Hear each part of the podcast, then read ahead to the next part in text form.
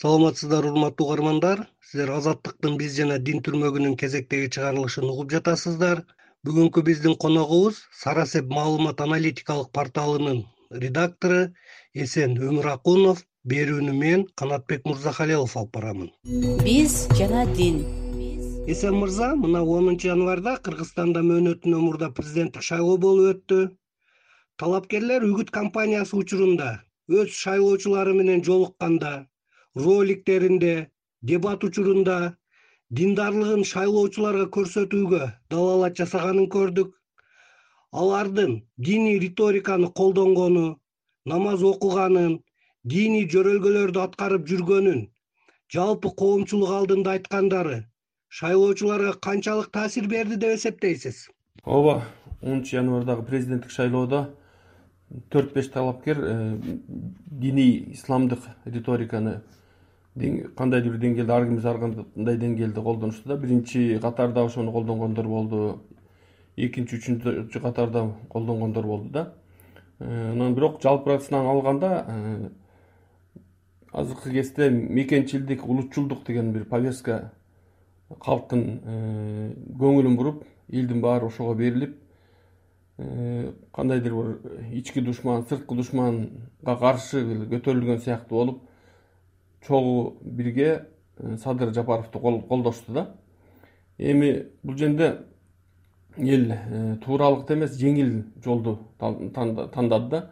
Көйгөйүн ой пикирин жоопкерчиликти бир кишиге жүктөп андан кандайдыр бир сыйкыруу күтүү сыяктуу болгон бир эч бир логикага сыйбаган э, буга чейинки саясий жараяндарга карабаган кандайдыр бир ошондой күтүү бар да. Ошолордун арасында мусулмандар дагы жанагы ислам динде айтылып коет. Айтылат э, мужиза деп керемет деп. Ошондой кандайдыр бир бир адам келип баардык ошо келип отурган оорду ага кандайдыр бир касиет берип ал баардык нерсени түшүнүп баардык нерсени өзү чечип баштайт дегендей кандай бир күтүү менен ошондой добуш берди да мусулмандар дагы. Мекенчилдикке улутчулдук сезимдерге жеңилдикке жолду качырып ошондой сезимдерге алдырышты да. Эки миң он жетинчи жылдагы президенттик шайлоо мезгилинде мурдагы өлкө башчысы сооронбай жээнбековдун диндарлыгы айтылып ал тургай анын мечитте намаз окуп жаткан видео тасмасы социалдык тармактарда кеңири таркалган эле. Өткөн жылдын төртүнчү октябрындагы парламенттик шайлоонун контекстинен алып караганда иман нуру партиясы башкалардан айырмаланып активдүү диний позицияны колдонду ал эми бул президенттик шайлоодо жалпы элдин дин ишенимине таасир этүү мурдакы шайлоолордон эмнеси менен айырмаланды? Кыргыз саясаты э, исламдык э, диндарлык э, факторду колдонууга аста астадан кирди да. Ооба эки миң он жетинчи жылы сооронбай жээнбеков диний риториканы колдонгон жок бирок кандайдыр бир диний лидерлер менен чогуу болгону алардын аны колдогону намаз окуп атып мечитте көрүнгөнү ошо кандайдыр бир таасир берди да. Э, анан канчалык таасир бергенин биз салыштырганга мүмкүнчүлүк болуп атат да. Бирок азыркы кезде биз салыштырсак эки миң жыйырманчы жылдагы парламенттик э, төртүнчү октябрдагы парламенттик шайлоо менен салыштырсак болот да. Ошол кезде иман нуру партиясы албетте ал жерде лидерлик дагы эмеси болду. Нуржигит кадырбековдун кандайдыр бир салымы болду. Бирок э, эмеси командасы да аябай күчтүү иштеген да булардын элелерде Э, күчтүү иштеп жетимиш миңдей добуш алышкан да. Эми ошол мыктыбек арстанбектин акыркы президенттик шайлоодогу результатына карасак сандык жактан дагы э, проценттик жактан дагы ал үч эсе аз добуш алган да нурунда салыштырмалуу. Бул жерде негизги талапкерлерден башка талапкерлер эч бир мындай адамдык э, каржылык ресурсту колдонгон жок деп айтсак болот да бир эки талапкерден башкасынан башкасычы ошондой нерсе колдонулбагандыктан мыктыбек арстанбек албетте азыркы кезде ошондой кандайдыр актануу бир нерселерин айтып атат. Бирок диний повестка бул эмеде э, акыркы президенттик шайлоодо минимум таасир берди да. Таасир берген жок деп да айтсак болот. Биз жана дин. Өлкөдөгү мусулман диний жамааттарынын шайлоодогу позициясы кандай болду? Муфтияттын расмий дин кызматкерлеринин шайлоо жараянындагы ролуна дагы токтоло кетсеңиз өлкөдөгү диний жамааттарды биз башынан бери караганда биз коомдон бөлүп карабайбыз да. Ошондой караганда э, диний жамааттардын мындай конъюнктурага ылайыкташып кеткен аң сезими баягы жалпы калктыкын кайталаган ошондой аң сезимде да. Ошондуктан бийликтин баягы повесткасына кирген жанагы социологияда лоялистский ядро деп коет да орусчасындачы. Ошондой лоялдуу өзөк бар да. Бийликке ким келиши мүмкүн болсо ошол кандидатты колдоо. Мисалы ар бир коомдо отуз отуз беш пайызга чейин жетет да. Кыргызстанда бул мындай автоматтык турда кырк пайыз бар деп айтсак болот да. Ошол кезде эле э, ошол эле муфтияттын э, мисалы муфтиятты толугу менен колго алган мисалы таблиги жамаатын алалыбы же башка муфтиятка таасири жок башка жамааттарды алабызбы баары тең ошо лоялисттик ядросу лоялдуулук эмеси өзөгү аябай күчтүү да. Ошондуктан албетте алардын көбү азыркы талапкер утуктуу чыккан талапкер э, садыр жапаровду колдошту да. Ошондуктан коомдон сырткары болушу мүмкүн эмес да.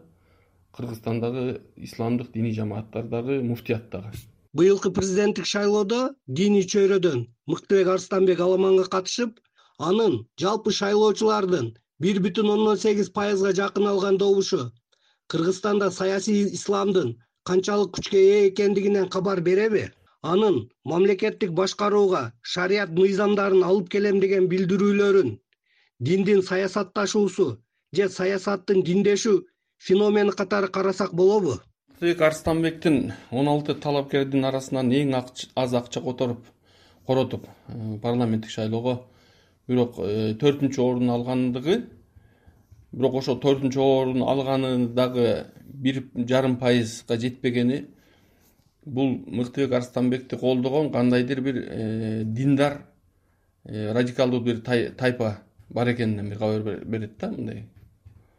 Эме кууш бир э, спектрдеги.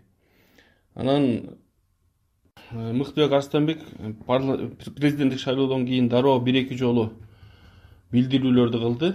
Акыркы билдирүүлөрүндө партиясындагы атын айтты окшойт. Нур деген партия деп атат. Буга чейин түзүлгөн партия экен.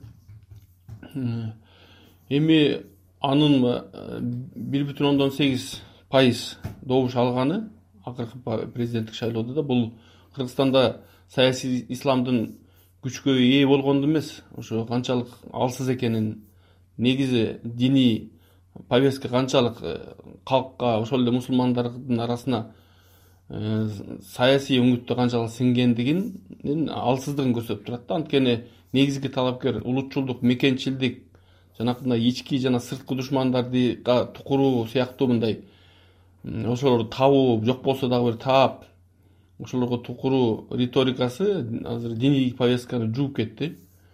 Э, жууп кетип мекенчилдик улутчулдук күнөөнү өзүнөн эмес башкалардан издөө э, повесткасы жеңип кетти да. Ошондуктан бул жерде саясий исламдын алсыздыгын көрсөттү да акыркы шайлоо. э, диндин саясатташып баратканынабы же саясаттын диндарлашып бараткан диндешип баратканынабы кандай дегенде бул жерде бири бирине э, сиңишип бараткан бир процессти биз көрүп атабыз да. Акыркы жылдары акыркы шайлоолордо деп айтсак болот. Ошондуктан кайсыл убакта кайсынысы жеңет же саясат биротоло диндешеби же дин биротоло саясатташабы аны бул динамикада көрүшүбүз керек да. Динамикада э, саясаттын дагы диндешип баратканын көрүп атабыз диндин да саясатташып баратканын көрүп атабыз да азыркы кездеги динамикада. Акырында кайсы жагы жеңет кийинки шайлоолордо белгилүү болушу мүмкүн да. Эсен мырза эми акыркы сурообузга жооп берип койсоңуз мына келечекте диний риториканы саясий максатта колдонуу кыргызстандагы мамлекеттик башкаруу түзүмү үчүн кандай оң жана терс натыйжаларды алып келүүсү мүмкүн диний риториканы саясий максатта колдонуу буга чейинки тарыхта жакынкы тарыхта башка мамлекеттерде кыргызстанда деле эч кандай оң натыйжаларды алып келбейт деген ойдомун да. Себеби дегенде бул дин дегенде бул кудай. Кудай менен адам баласынын ортосундагы мамиле да. Бул негизи руханий мамиле болгондуктан өтө эң интимдүү бир мамилелерге кирет да. Анан муну эң э, публичный бир коомдук нерседе саясат деген нерседе эмеде феноменди колдонуу факторду колдонуу бул эч качан оң таасир бербейт да.